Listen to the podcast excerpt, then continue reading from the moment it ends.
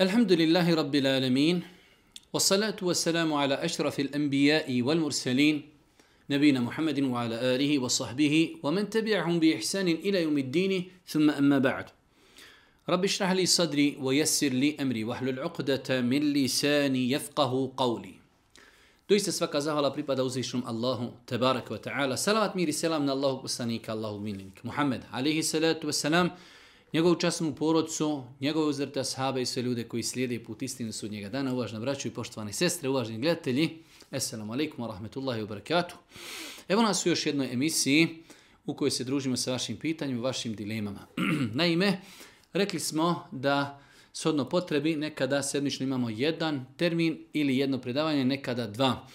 Evo ove sedmice imamo dva predavanja zbog mnoštva pitanja koja stižu na naš e-mail mi smo više puta kazali da je nemoguće odgovoriti na sva pitanja. Mi se evo trudimo u granicama svoje mogućnosti da odgovorimo što veći broj pitanja koja dolazi na naš e-mail. Svakako da je nemoguće odgovoriti na sva pitanja. Određena pitanja doista su i teška i kompleksna, tako da određena pitanja ne možemo odgovoriti i zbog toga. Večeras se evo družimo opisa nekih 40 do 50 vaših pitanja zbog toga što želimo da odgovorimo što više i vaših pitanja, ne detaljišimo mnogo u pogledu odgovora, jasno, bez iznošenja e, dokaza, bez spominjanja govora islamskih učenjaka, mezheba i tako dalje, e, na jedan kraći način, jednostavniji, onako kako ljudi mogu razumiju, odgovaramo na vaša pitanja. Prvo pitanje, selam, poštovanje, zanima me da li je ispravno uzeti kredit recimo u BBI banci gdje oni koriste šerijetske propise u vezi istog. E, Generalno ja ne volim kada se postavljaju pitanja u kojima se spominju imena eh, ili pojedinaca ili institucija.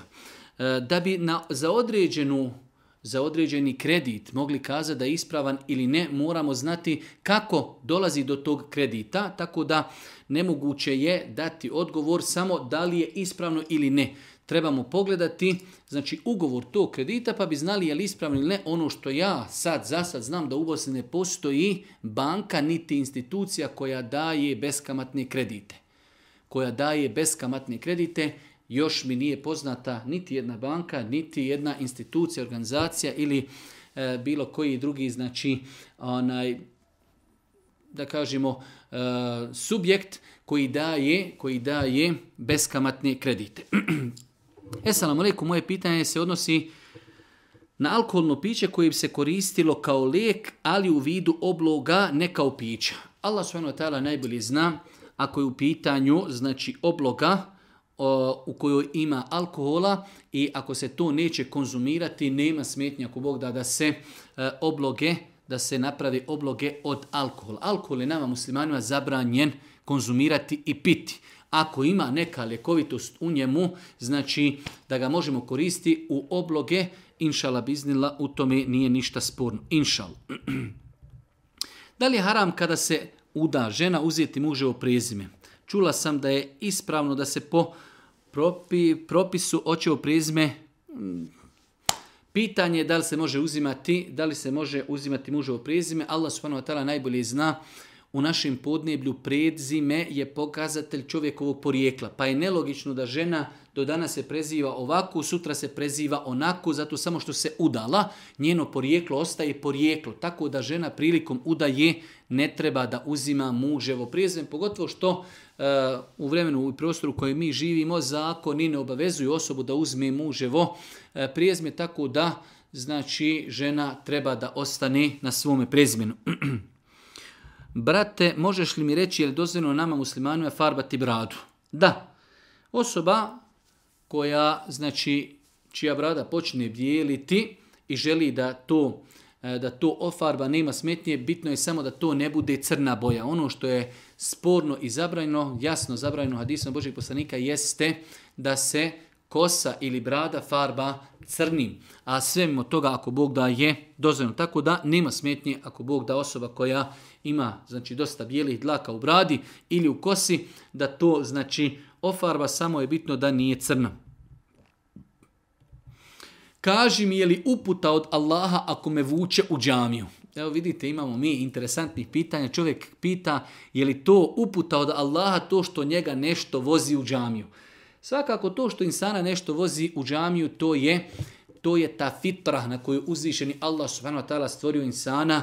Znači insan vozi ga tamo gdje je hajr, gdje, je dobro, gdje neće čuti ništa loše. Tako da, da li je to uputa od Allaha, insan treba da, eh, da kreni eh, prema džamiji, eh, da, da ako Bog da bude pokoran uzvišenom Allahu subhanahu wa ta'ala i ako Bog da nadamo se da će naći put naći put prema istini. Smije li se otkinuti par plodova sa tuđe vočke ako vlasnika nema da pitamo smijemo li uzeti? U vjerodostojnim predajima spominje se da je Allah poslanik rekao kada insan naiđe pored bašti u kojoj imaju vočke, treba tri puta da, doz, da, da znači pozove vlasnika bašti. Da znači visokim tonom pozove vlasnika bašte. Ako se niko ne javi, ima pravo s njegovog voća uzeti koliko može pojesti. Znači da ništa ne nosi ukesi ili znači na, bilo koji drugi način, već znači da uzme par voćaka i da pojede, ali prije toga da je pozvao. Znači insan koji prolazi prolazio pored određene bašte, vidio jabuke, vidio kruške, šljive ili ašlame, e, pa poželi da nešto malo uzme, da se razladi, da se osvježi, Zovnu će tri puta, ima li koga, ima li koga, ima li koga, ako se niko ne javi, znači uzet će par plodova pojesti, ako Bog da, nije zbog toga griješan.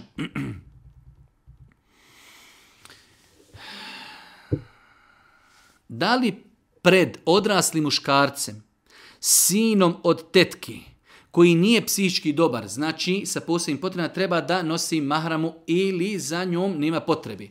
Pitanje znači žena ima sina od tetke koji je psihički bolestan i dijete sa posebnim potrebama, da li pred njim da nosi mahramu? Pogledajte šta znači takvaluk i bogobojaznost. Koliko imamo naših muslimanki, bošnjake koji izlaze na ulicu i njih gledaju svi koji god hoće da gledaju izlaze bez mahrami. A žena bogobojazna pita da li mora nositi mahramu pred djetetom koji je bolesno. Psihički je znači bolesno i dijete s posebnim potrebama, a to je sin od njene tetki. U svakom slučaju, e, pravilo koje su islamski učinjaci postavili jeste da ako to dijete doista ne razumije šta je avret, jednostavno nema nikakve požudi za ženama, onda pred takvom djecom, znači žena može da ne nosi mahramu, ali se pred takvom djecom nosi onako kako bi se nosila pred ostalim svojim mahremima. Znači, e, majica, hajde da kažemo, kratkih rukava, neka suknja i tako dalje. Znači ono što može nositi pred ocom, pred svojom djecom i tako dalje, to može nositi pred takvom djecom ako ta djeca nemaju nikakvu požudu za ženama i ne znaju šta je stidni dio tijela, šta nije stidni dio tijela.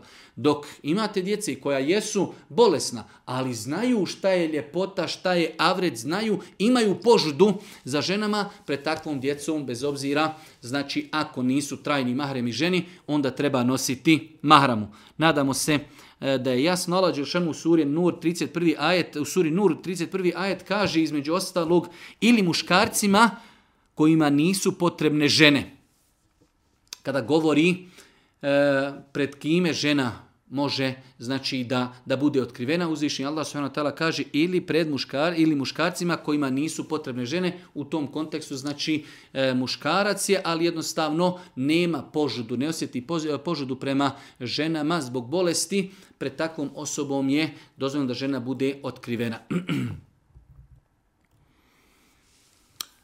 Esselamu alaikum, zanima je kakav je vaš stav povodom zajedničke dove u džamiji. Kada nakon nekog namaza ili prije džume namaza imam dovi, a ostale džamatikla prati u tome.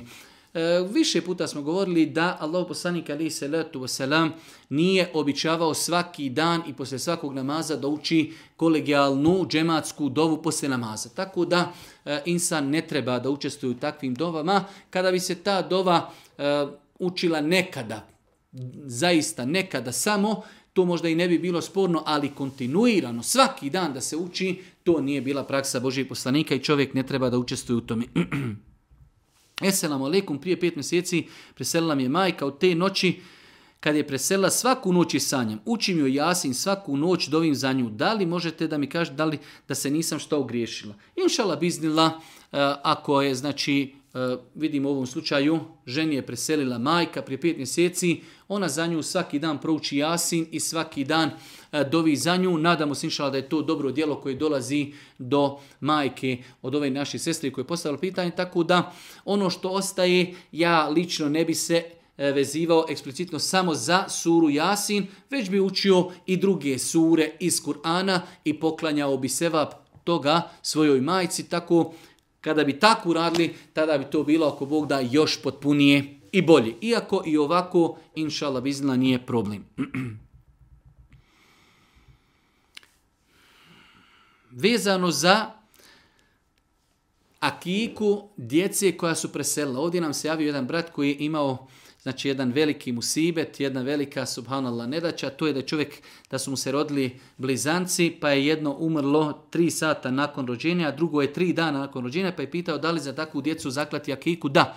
Znači dijete koje se rodilo živo, bez obzira što nije živjelo do sedmog dana, kada se kolje akika, propisano i lijepo da se za takvu dijete zakolje akika. U govoru islamskih učenjaka nalazimo znači potvrdu da insan eh, koji je dobio dijete, rodilo se dijete živo, i nakon toga preselilo prije sedmog dana, jer je znači po sunnetu sedmi dan zaklati, pa onda ljudima se nekad desi da dijete preseli prije sedmog dana, pa pitaju da li i dalje ostaje propis. Velik broj islamskog je smatrao da za tu djecu treba zaklati akiku, tako da u ovom slučaju znači dva muška djeteta, ako se sjećam dobro, E, u svakom slučaju, znači ako je u pitanju jedno muško, e, ako je u pitanju muško dijete, kolju se dvije ovce, ako je žensko dijete jedna ovca, a ako insan zakolje za svako dijete po jednu ovcu, ako Bog da ispravno je postupio. da li je nešto loše ako se zasadi e, stablo oraha kod svoje kući? Nikada ništa loše, kako bi drugačije pravili baklave ako ne budemo imali orahe u svojim u svojim e, dvorištima, tako da što se tiče islama, nema nikakve smetnje da se orah zasadi u dvorištu kući. Da li je gusul ispravan ako prilikom kupanja se ostane neki dio tijela pokašem vodom, a to nismo primijetili? Ovdje se pitanje vraća na to da li je takozvani mualat. Mualat je da li gusul cijelog tijela mora biti obavljen odjednom ili može neki dio da ostane pa da ga operimo poslije. E, u svakom slučaju bio je velik broj koji su kazali ako insan neki dio tijela nije oprao, opraće ga naknadno i to je to. Ali ja lično smatram da gusul treba da bude u jednom dijelu potpun, s druge strane, ovdje se bojim vesvesa. Nerijetko se dešava da ljudi u gusulu imaju vesvese, pa poslije gusula da li mi je ovo oprano, da li mi nije ovo oprano, gdje čovjek treba da zatvori ta vrata i da ne dopusti šetanu da, e, da mu došaptava e, znači, e, na taj način. Insan treba da uđe u kupatilo, da se istušira, da iziđe nakon toga da se znači ne osvrće tome da li mi je negdje mokro, da li nije bilo mokro, da li sam skvasio, da li nisam skvasio, to su jedna velika vrata vesvesa do došaptavanja koja mogu u čovjeka doista mnogo, mnogo napatiti i umoriti. A što se tiče znači gusula, gusul treba da bude znači u isto vrijeme, odnosno znači da cijelo tijelo operijemo, a ne da operimo jedan dio pa da nakon toga dođemo operimo drugi dio. da li žmirenju namazu rad koncentracije kvari namaz? E, govorili smo prošli puta o tome da žmirenju namazu ne kvari namaz, ali je bolje, od sunneta je klanjati otvorenih očiju ali ako postoji potreba da nas nešto dekoncentriše, pa da zažmirimo kako bi se bolje koncentrisali, inšala ispravno smo postupili. Znači, e, da zažmirimo namazu, to ne kvari namaz, apsolutno. Bolje je klanjati otvorenih očiju, ali ako bi nešto nas dekoncentrisalo, micalo se oko nas, pa da zažmirimo kako bi se bolje koncentrisali, inšala to je ispravno. Pitanje da li je dozvoljeno klanjati namaz sam kod kući ako imamo ispit na fakultetu vremenu klanjanja namaza u mesčidu? A pri tome čujemo jezan. Znači ovo je pitanje osoba koja čuje kako se ezan uči, ali jednostavno priprema ispite, nema vremena da ode u džamiju pa će klanjati sam. Nadamo se inšala da u ovakvim situacijama osoba ako tako uradi da njezin namaz je ispravan i ako Bog da da nije griješna, jer postoji jako, jako razilaženje u pogledu pitanja namaz u džematu za muškarce, pa je bilo učenjaka koji su kazali da je stroga obaveza svakom muškarcu klanjati u džematu, bilo je učenjaka koji su kazali e, da je to kolegijalna obaveza. Ako jedan dio muslimana u jednom mjestu se okupi da klanja, ostali ako klanjaju kod kuće, ako Bog da nisu griješni. I bilo je velik broj učenjaka je smatrao da je namaz u džematu sunnet, potvrđeni sunnet, znači nešto lijepo, pohvalno, ako čovjek klanja u džematu, ima seva, pa ako ne klanja nije griješan. Tako da u ovakvim situacijama, ako se radi o studentu, čovjek uči, e, odlazak u džamiju i povratak mu uzima određeno vrijeme, ako klanja kod kuće, ako Bog da, nadamo se da nije griješan.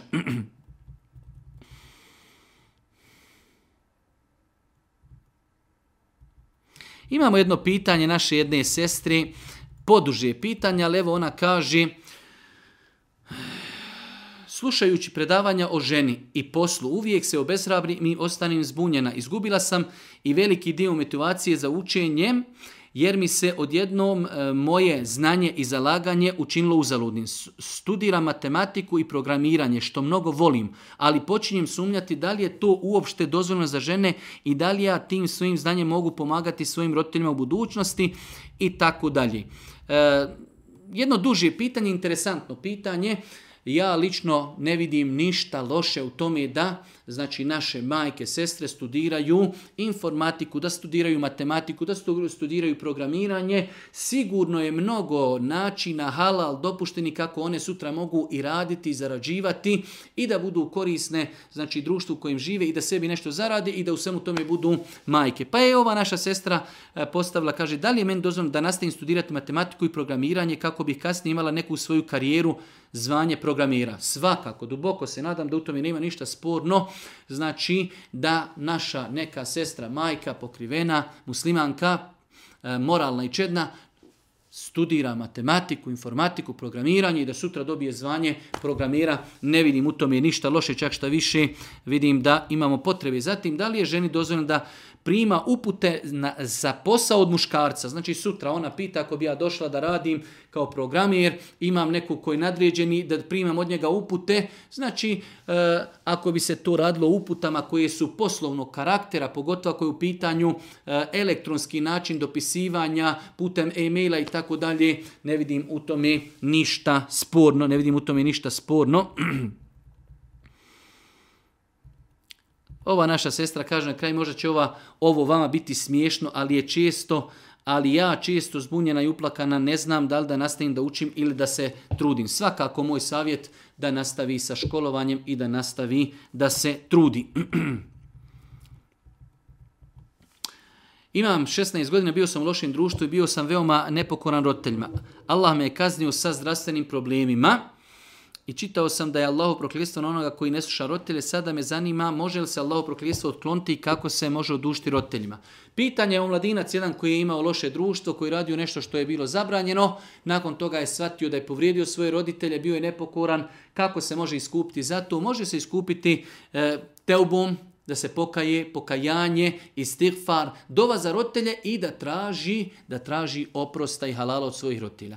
Znači treba da se pokaje, da ono što je radio da svati da je neispravno, da tu više nikada ne radi, da čini dovu za svoje roditelje i kada vidi da su raspoloženi i lijepi, da s njima sjedne i da kaže, da im prizna, bio je to neki period adolescencije, puberteta, zavelo mu je društvo, bio sam nepokoran, molim vas da mi halalite i da mi oprostite, bit ću dobar ako Bog da trudit ću se da se to više ne ponovi.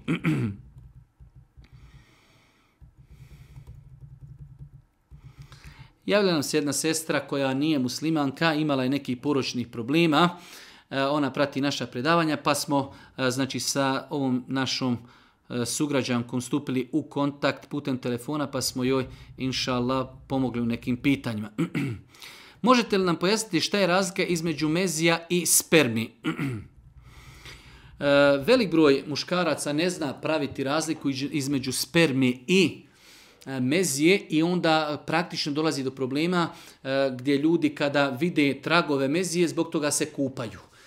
Za vrijeme Božijeg poslanika, ali se letu selam, bilo je više muškaraca koji se žalili Božijem poslaniku na problem sa mezijom. Znači, tu je, vidjet ćemo poslije, jedna posebna tečnost pa je Allah poslanik o tome izrekao posebne hadise u kojima je ukazao na propise vezane za to. Znači, mezij ili pred ejakulacijska tečnost, to je jedna bijela, bistra, sluzava tekućina. Izlazi prilikom nadražaja i razmišljam spolnom e, općenju u malim količinama. Ono što je bitno da znači tečnost mezija izlazi u malim te, e, količinama, da je to bistra sluzava tekućina. Sperma izlazi u većoj količini, izlazi sa strašću, izlazi u mlazu, to je bijela gusta sluzava tekućina pa je znači razlika e, da, da mez izlazi i ne osjeti čovjek strast prilikom izlaženja, ne izlazi u mlazu, izlazi e, malo. Za razliku od spermije koja izlazi sa strašću, izlazi u mlazu, izlazi količinski više i to je gusta bijela tekućina. E, propisi znači spermije i mezija se potpuno razlikuju od izlaska spermi čovjek treba da se okupa, a sperma je fizički čista. Za razliku od mezije, mezi je nečist, moramo očistiti odjeću ili moramo očistiti spolni organ, znači od mezija, a ne moramo se od njega kupati. Znači ako muškarac vidi da iz spolnog organa mu ističe e, mezić, E, to je nečisto, mora očistiti spolni organ, mora očistiti i oprati testise, mora očistiti odjeću ako mu je to kapno na odjeću, a ne mora se kupati. Svakako da mu to isticanje kvari abdest.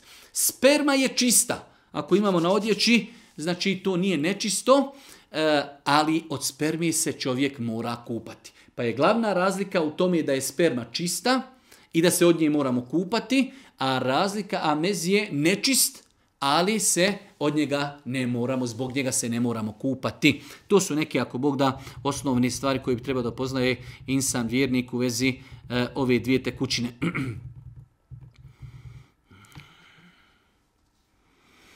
Opet imamo problem oko pokrivanja. Želim uskoro išla se pokrijem, ali je moja mama protiv toga. Rekla mi ako se pokrijem da joj na dženazu ne dolazim ili da će mi skinuti hijab nasred ulici kada me sretni i tako dalje. Pogledajte opet kolika može biti da kažem, neću da kažem mržnja, ali je čudan taj odnos roditelja kada djevojke želi da nose mahram. Ja sam stupio u kontakt sa ovom našom sestrom i ona je kazala da je udata, mi smo kazali kada su u pitanju udate sestre da je to mnogo lakše, gdje smo dali sestri ovoj našoj savi da se ona pokrije, da prema svojoj majci bude blaga, milostiva, da ju čini dobročinstvo, a to da li ona za to daje saglasnost ili ne, e, znači e, uopšte više nije bitno, jer je znači najbitnija stvar pokornost uzvišenom Allahu subhanu wa ta'ala, svakako treba to roditeljima lijepo pojasniti, biti prema njima blag, treba biti milosti, treba im činiti dobročinstvo, ali kada se postavi tako da kažu ako e, staviš maru, ne moraš mi doći, e, odričem te se i ne, ne trebaš mi doći na dženazu i nešto slično mi, znači čovjek ne treba da se osvrči na takve stvari, treba da se pokori uzvišenom Allahu subhanu wa ta'ala. Radim kao vozač, Ujutro e, klanjam sabah namaz i onda sam kući nazad negdje oko Ikindije, u 90% slučajeva idem dalje od 80 km od mjesta u kojem živi. Da li u ikindijskom vremenu mogu krenuti ikindiju i podni namaz, odnosno spojiti? Jedan naš brat, vozač kamiona, kaže da u većini slučaja putuje preko 80 km i ovdje kaže vraća se kući oko ikindije. E, mi ovom bratu kažemo sljedeće. Ako se čovjek vratio je s posla, još nije nastupila i kindija, on klanja podni kod kuće, čeka da nastupi kindija i klanja će i kindiju. Znači imamo brata koji zajtra ide na posao, ide više od 80 km, ako može na putu da se zaustavi negdje da klanja podni i kindiju, tako i će i urati. Ako ne može kada dođe kući, ako je još vrijeme podne, priradi da je kindija u to on je došao u četiri. Klanja će podne, sačeka i kindiju, klanja i kindiju, sve regularno. Šta ako se desi, on nije klanjao podnije, došao je kući, nastupila je kindija. U tom slučaju, pošto on imao, pri, imao je pravo da ne klanja podnije, jer je mu safir. Kada je došao kući, nastupila je kindija, takav insan će spojiti podnije i kindiju, ali neće kratiti. Znači, ostaje mogućnost spajanja jer je bio mu safir, ali zato što je došao kući više ne krati namaze. Pa znači, insan koji je musafir, ako namaze klanja na putu, on je time obavio ono što mu je bila obaveza. Ako se vrati kući, a još je namasko vrijeme podnije, primjera radi, on će klanjati podnije, četiri rekiata, kad nastupi kindija, onda klanja i kindiju. Ako je došao kući, na putu nije klanjao podne, a došao je već i kindija nastupila, tada, tada kažemo čovjeku spoji namaze. Klanjaš prvo podne, četiri rekiata, predaš selam, ustaneš, učiš i kamet, klanjaš i kindiju četiri rekiata. Mogu se namazi tada spojiti, a ne mogu se skratiti. Ovo samo u slučaju osobi koja je putovala i vratila se kući, nije klanjala namaz taj dotični na, na, na putu, a došao je kući u vremenu kada se dva namaska vremena mogu, mogu spojiti, odnosno dva namaza mogu spojiti. Nadam se, ako Bog da, da smo razumjeli ovaj odgovor. Koliko je ajeta neke sure dovoljno pruštuju u jednom rekiatu? Želio bi svoj namaz malo obogatiti, naučiti neke nove sure, da se ne svodi sve na, hajmo reći, kule uzra nas, felek i el asr. E, čovjek ako želi da uči neke određene ajete iz nekih drugih sura kao nešto poznato kod nas kao ašare odlomci, dovoljno je da to bude jedan ajet koji ima zaokruženo značenje. Znači, kažu islamski učenjaci, e, znači u namazu nakon fatihe dovoljno je proučiti samo jedan ajet nekada duži, nekada kraći, ali je dobro da to bude ajet koji je zaokružio jedno značenje. Nekada imate ajet drugi, vezano je značenje, pa u tom slučaju je lijepo naučiti više ajeta, dok ako je to ajet sa zasebnim značenjem, dovoljno je znači nakon fatije proučiti jedan ajet. Ovdje imamo jednu pohvalu e, od jednog brata koji kaže Želim da vas obavijestim, ja sam Allahom voljom dobio i pročitao knjigu Historijska epoha po vašoj preporuci i u potpunosti mi je jasno moje pitanje. I molim Allaha da nas učini od onih koji će slijediti e, uz poslanika ali selam i časni ashabe. Molim vas da im preporučite još provjerenih knjiga o istoriji Allahovi vjeri jer mi je užitak čitati o našim prvacima. Znači mi smo ovom bratu imao neke nejasnoće pa sam mu ja savjetio da pročita knjigu Historijska epoha. Nakon toga nam je odgovorio da je e, zadovoljan, da je fasciniran ovom knjigom i da traži još knjiga koji govori o historiji. Moj savjet generalno kada je u pitanju historija, knjige od eh, doktora Alija Salabija koje prevodi i štampa Džemat iz Holandije definitivno su jedne od najboljih koji su pisane i prisutne na bosanskom jeziku i na našem tržištu. Znači, eh, doktor Ali Salabi ima dvije knjige iz Sirije Božjih poslanika, ali se letu veselam, izuzetno lijepa knjiga. Nakon toga ima knjige koje govori o halifama, Ebu Bekr, Omer, Osman, Alija, nakon toga ima knjigu o Muavi, ima knjige o osmanskoj, e, os, e, hilafetu osmanskom, imaju znači druge knjige koje obrađuju određene e, periode historije na jedan lijep, znači, znači zaista lijep način, tako da moje, moj savjete knjige od Alija Salabija, od Sirije životopisa Božih poslanika, preko knjiga Halifa, četvorici, pa nakon toga i knjige koje o historiji su štampane, sve knjige od Alija Salabije su kvalitetne i dobre. Ja obavljam namaz i sve, ali dođe jedan period kada skrenim s puta, uradim neki grijeh ili možete pomoći ili ima neka dova nešto da me štiti od grijeha. Znači ovaj insan kaže ja radim, na, e, klanjam namaz, ali dođe im period kada me grijesi nadvladaju pa ima li kakva dova. Ima dova da čovjek moli Allah Đelšan da ga učvrsti na putu istine, ali u svemu tome znači e, da se čovjek bori sam sa sobom protiv protjeva duše, protiv šetana, protiv izazova, znači e, radimo dobra djela, čuvamo se grijeha, dovimo uzvišom Allahu subhanu wa ta'ala da nas učvrsti, da nas pomogne, da nas sačuva, da nas zaštiti i tako dalje. Zanimam da li se može na seždi na farz namazu učiti dova na bosanskom jeziku. Ja sam jedno vrijeme davao odgovore da se može na farzima učiti dova na bosanskom jeziku, ali nakon e, detaljnijeg analiziranja ovog pitanja došao sam do zaključka da ipak je bolje da se dova na bosanskom jeziku čini samo na nafili. Pošto je na fila, hajde da kažemo, na jednom stepenu e, manjem od farza, ipak farz ima svoju neku težinu posebnu i svetost, tako da moj savjet je da se na bosanskom jeziku ne uči dova na farz namazu. Šeh bin Baz, rahmetullah, je li smatrao je da se dova na svom maternim jeziku može učiti na farzu. Ali ne znam, nekako meni ipak je to bolje da bude samo na nafili, ipak farz namaz ima svoju neku posebnu težinu. Imam problem u porodici, to jest otac nam stvara probleme jer puno pije alkohol. Svaki dan je ga lama zbog toga. Šta urati sa roditeljima koji konzumiraju alkohol?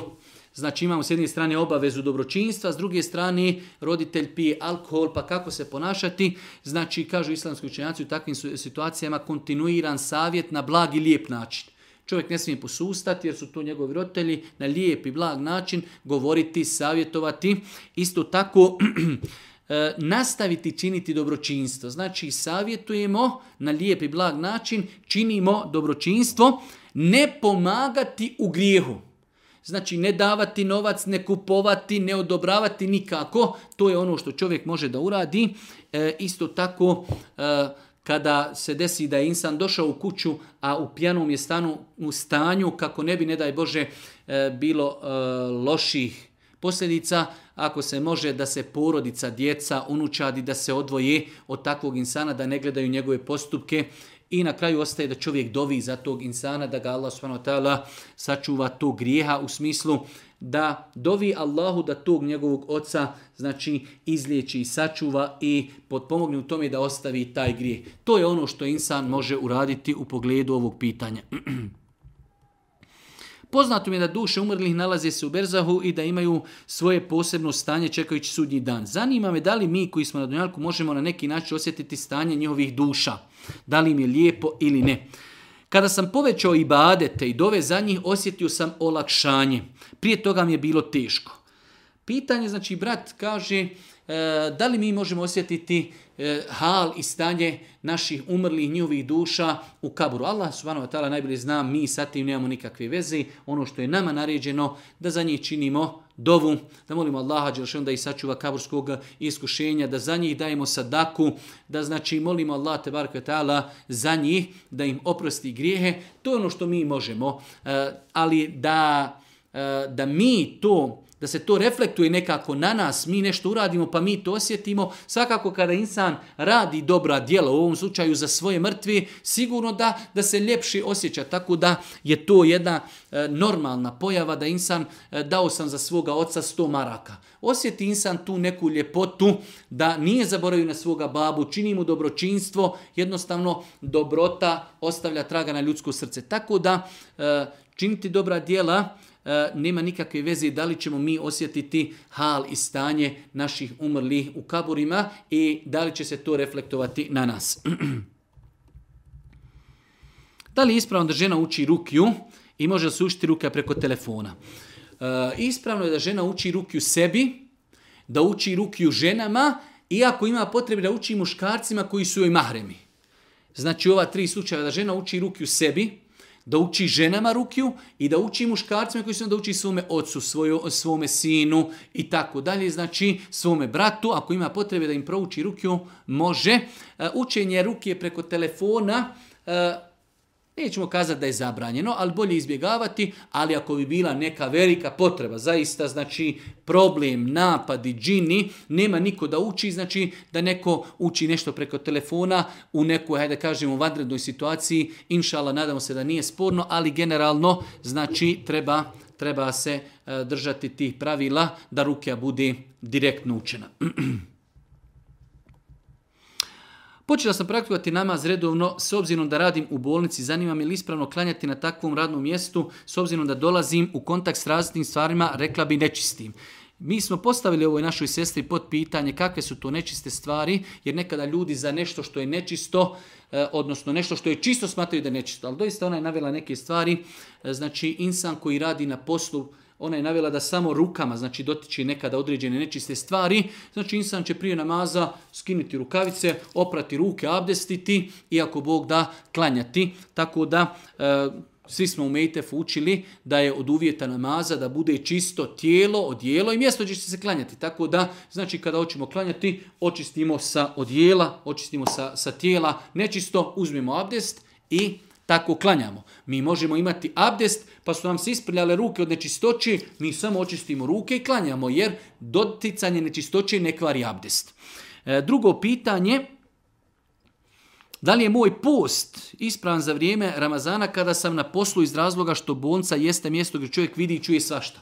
Čovjek treba da posti jer mu je to obaveza, na poslu treba da se čuva i u Ramazanu i mimo Ramazana onoga što je zabranjeno, tako da e, nisu to dvije stvari e, vezane, znači radim u bolnici, na poslu sam, postim, čuvam se svega što je zabranjeno i to je to.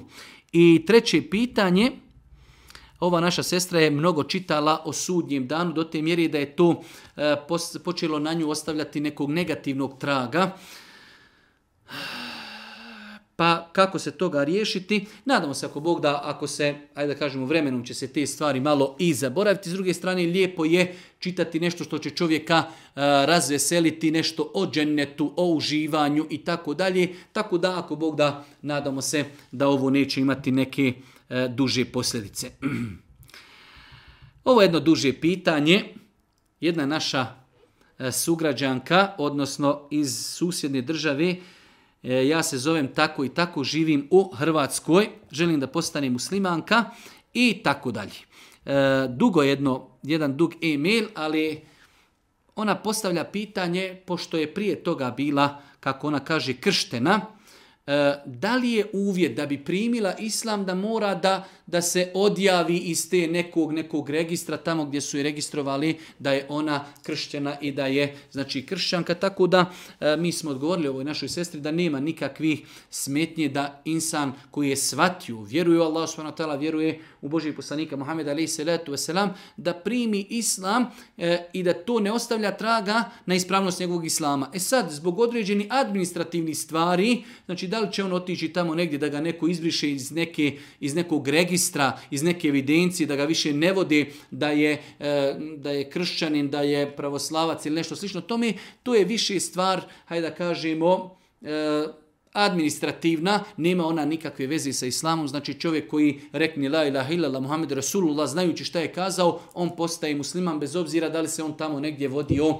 na nekim znači spiskovima ili u nekim registrima u nekoj drugoj religiji. E, ovo što je interesantno ovdje jeste ova naša sestra, pošto je ona već primila islam, kaže u radijusu od 100 km nema muslimana koji bi mogao da posvjedoči da je ona musliman, da pred njim izgovori riječi šehadeta, pa da li, se može javiti nekome preko telefona pa da ona izgovori riječi šehadete, tako tako primi islam? Islam je lijep, islam je savršen, islam je potpun. Insan koji svati srž islama, on sam u svojoj kući kada kaže la ilaha illa Muhammed Resulullah, on je postao musliman. Dobro je da nekoga obavijesti o tome sutra ako preseli da znaju da je on musliman, da ga ukopaju sa muslimanima i tako dalje, ali znači e, što se tiče islama nema potrebe da niko svjedoči dovoljno između čovjeka i uzvišnog Allaha, tako da e, Osoba koja želi da primi islam može nazvati nekog svog prijatelja poznanika da mu saopšti i kaže evo ja sam primio islam, rekao sam la ilaha illallah samo da znaš da te obavijestim, budi svjedok da sam ja musliman i to je ako Bog da dovoljno. Htjela sam da pitam, ako možete da mi odgovorite, da li je haram ako se kupi telefon, mobitel na ugovor 24 mjeseca? Isto funkcioniše kao u Novom pazaru, pod tim ugovorom imaju tarife i sve ostalo. E, ako se ovdje misli na ugovore koji se uzimaju od pošte, ima u tim ugovorima jedna klauzula koja je sporna. Ja neću reći može ili ne može, ali to je klauzula ako čovjek ne bi platio ratu, da onda idu kamate. Samim tim mi smo prihvatili ugovor u kojem ima klauzula kamate, kao da mi prihvatamo kamatu. Iako mi znači plaćamo mobitel regularno na rate, sve u redu ali problem je što u tim ugovorima ima klauzula ako kasnite sa ratom idu kamate. E ta klauzula je problem, ako se može ta klauzula izbjeći, onda inšala bizna nije sporno da se mobitel uzme tako na rate.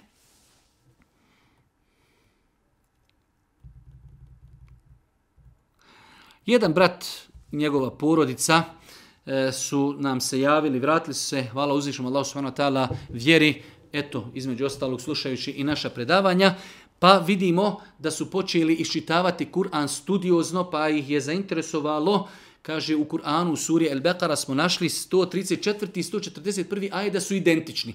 Pa je to njih malo zaintegriralo, jer li moguće da u Kur'anu postoje isti ajeti ili da nije eventualno greška u prijevodu. E, ja sam želio da odgovorim ovom našem bratu putem e-maila, ali negdje sam izbrisao njegov e-mail pa ćemo odgovoriti ovako javno. Znači imamo dosta slučajeva u Kur'anu kada se isti ajet, isti ajet ponavlja ili u jednoj suri više puta ili isti ajet u nekim drugim surama se ponavlja ili sa nekim malim, malim, znači izmjenama nekada je samo u pitanju jedan veznik ili jedno slovo i tako dalje. Ili nekada samo dvije riječi zamijenjene. Tako da, znači to je kuranski stil, kuranska stilistika, arapski jezik, da nema, znači u tome nema ako Bog da, niti je to šta sporno, da je išta sporno u tome, to bi kurešije prigovorile Božijem poslaniku, ali se letu tako da to nije greška do prevodioca, znači imamo u suri El-Bekara i u drugim surama gdje imamo iste identične ajete, možda taj, taj ajet i taj, taj ajet su identični. Jednostavno, znači, to je kuranski stil, da imamo određene ajete. Znamo svi u suri Ar-Rahman, da uzvišnji Allah subhanahu ponavlja ajet febi bi eji ala i rabbikuma tukeziban i u drugim surama se nekada ponavljaju isti ajeti identični nekoliko puta tako da nije tu nikakva greška uh, u prijevodu. Jedan brat nam je postavio pitanje uh, koje se vezuje da li osoba koja ne zna arapski jezik pa kada uči Kur'an a zna prijevod, da li taj prijevod mora da se podudara sa onim što on uči. E, nemoguće je sada insanu dati neki precizan odgovor. Insan treba da se trudi da razmišlja onome što uči. Da li će možda razmišljati malo onome duže ili prije završiti razmišljanje nego što izgovori riječi ili obrnuto, ne treba se mnogo time opterećavati. Bitno je da čovjek razmišlja o onome što uči i da istoga crpi pouke i poruke za svoj svakodnevni život. Smije li se uplatiti zdravstveno osiguranje za privremeni boravak u drugoj državi da u slučaju neke bolesti operacije taj trošak snosi osiguranje? Znači, e, osiguranje kada negdje idemo kao turisti. Idemo da posjetimo neku državu imamo znači posebna osiguranja koja su za turiste.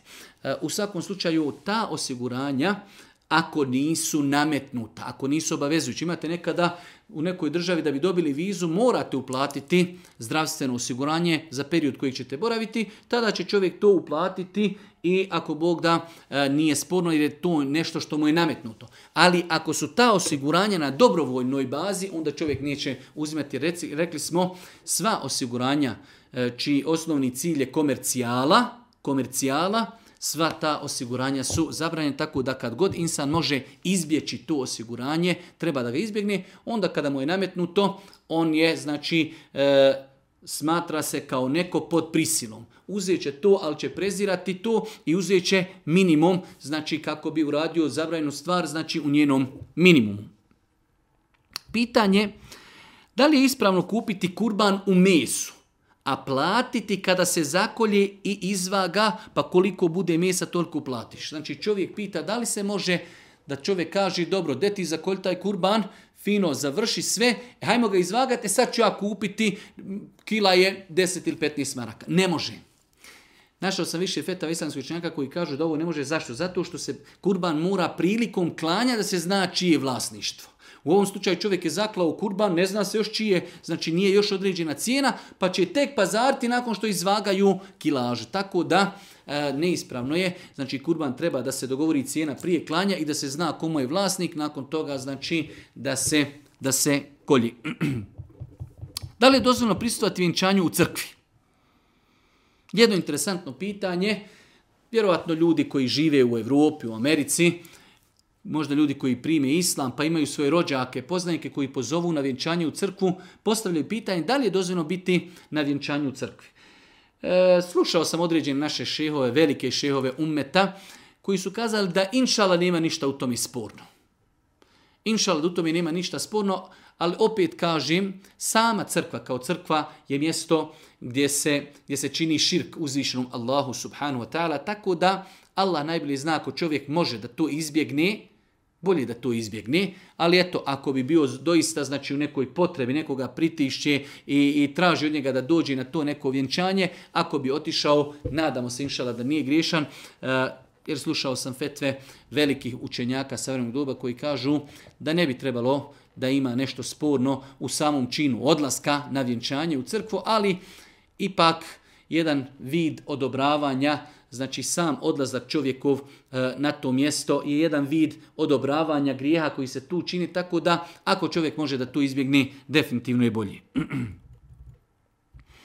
Imam pitanje vezi nikaba, ukoliko žena nosi nikab i dođe muškarac da je prosi. Ima li pravo taj muškarac koji je prosi da vidi ženu bez nikaba?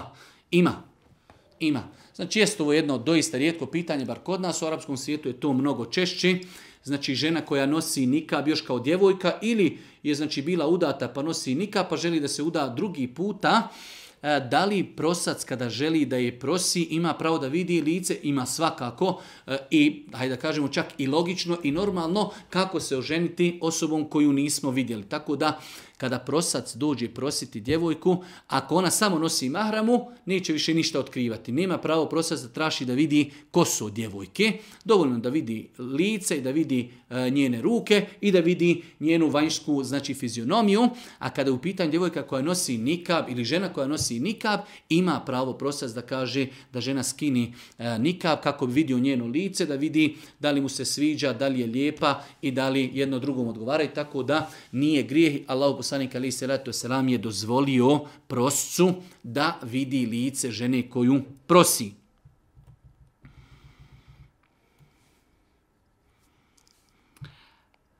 Možete li objasniti zjevanje prilikom ibadita, obraćanja Allahu, učenja prije spavanja i slično?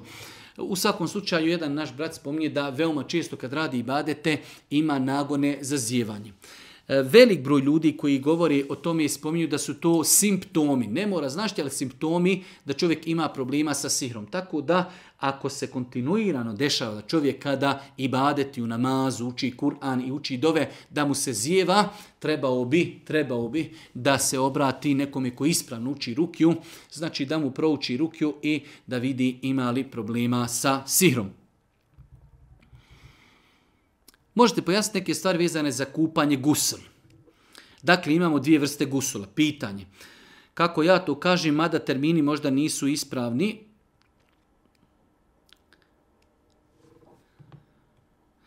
Da li obje vrste gusula čovjeka čiste od džunupluka? Imamo, rekli smo, dvije vrste gusula. Imamo minimalnu, imamo po Oba dvije čovjeka čine čistim od džunupluka. Zašto bi onda pojašnjavali ako ova dvije ne čini čovjeka čistima džunup? Ako je čovjek džunup, ima dvije mogućnosti kako da se okupa. Prva je minimum. Želim da otklonim od sebe džunupluk, ulazim u kupatilo, isperim usta, isperem nos i potuš. Istuširam se, cijelo dijelo, cijelo dijelo skvasim i time sam ja više otklonu od sebe džunupluk. Nisam više džunup. Mogu obavljati namaz.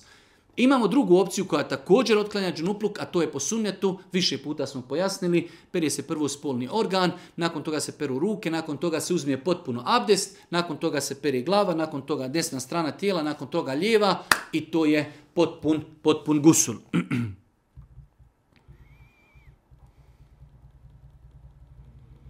Zadnje pitanje, možete li nam pojasniti e, o džehennemu, gdje se džehennem nalazi?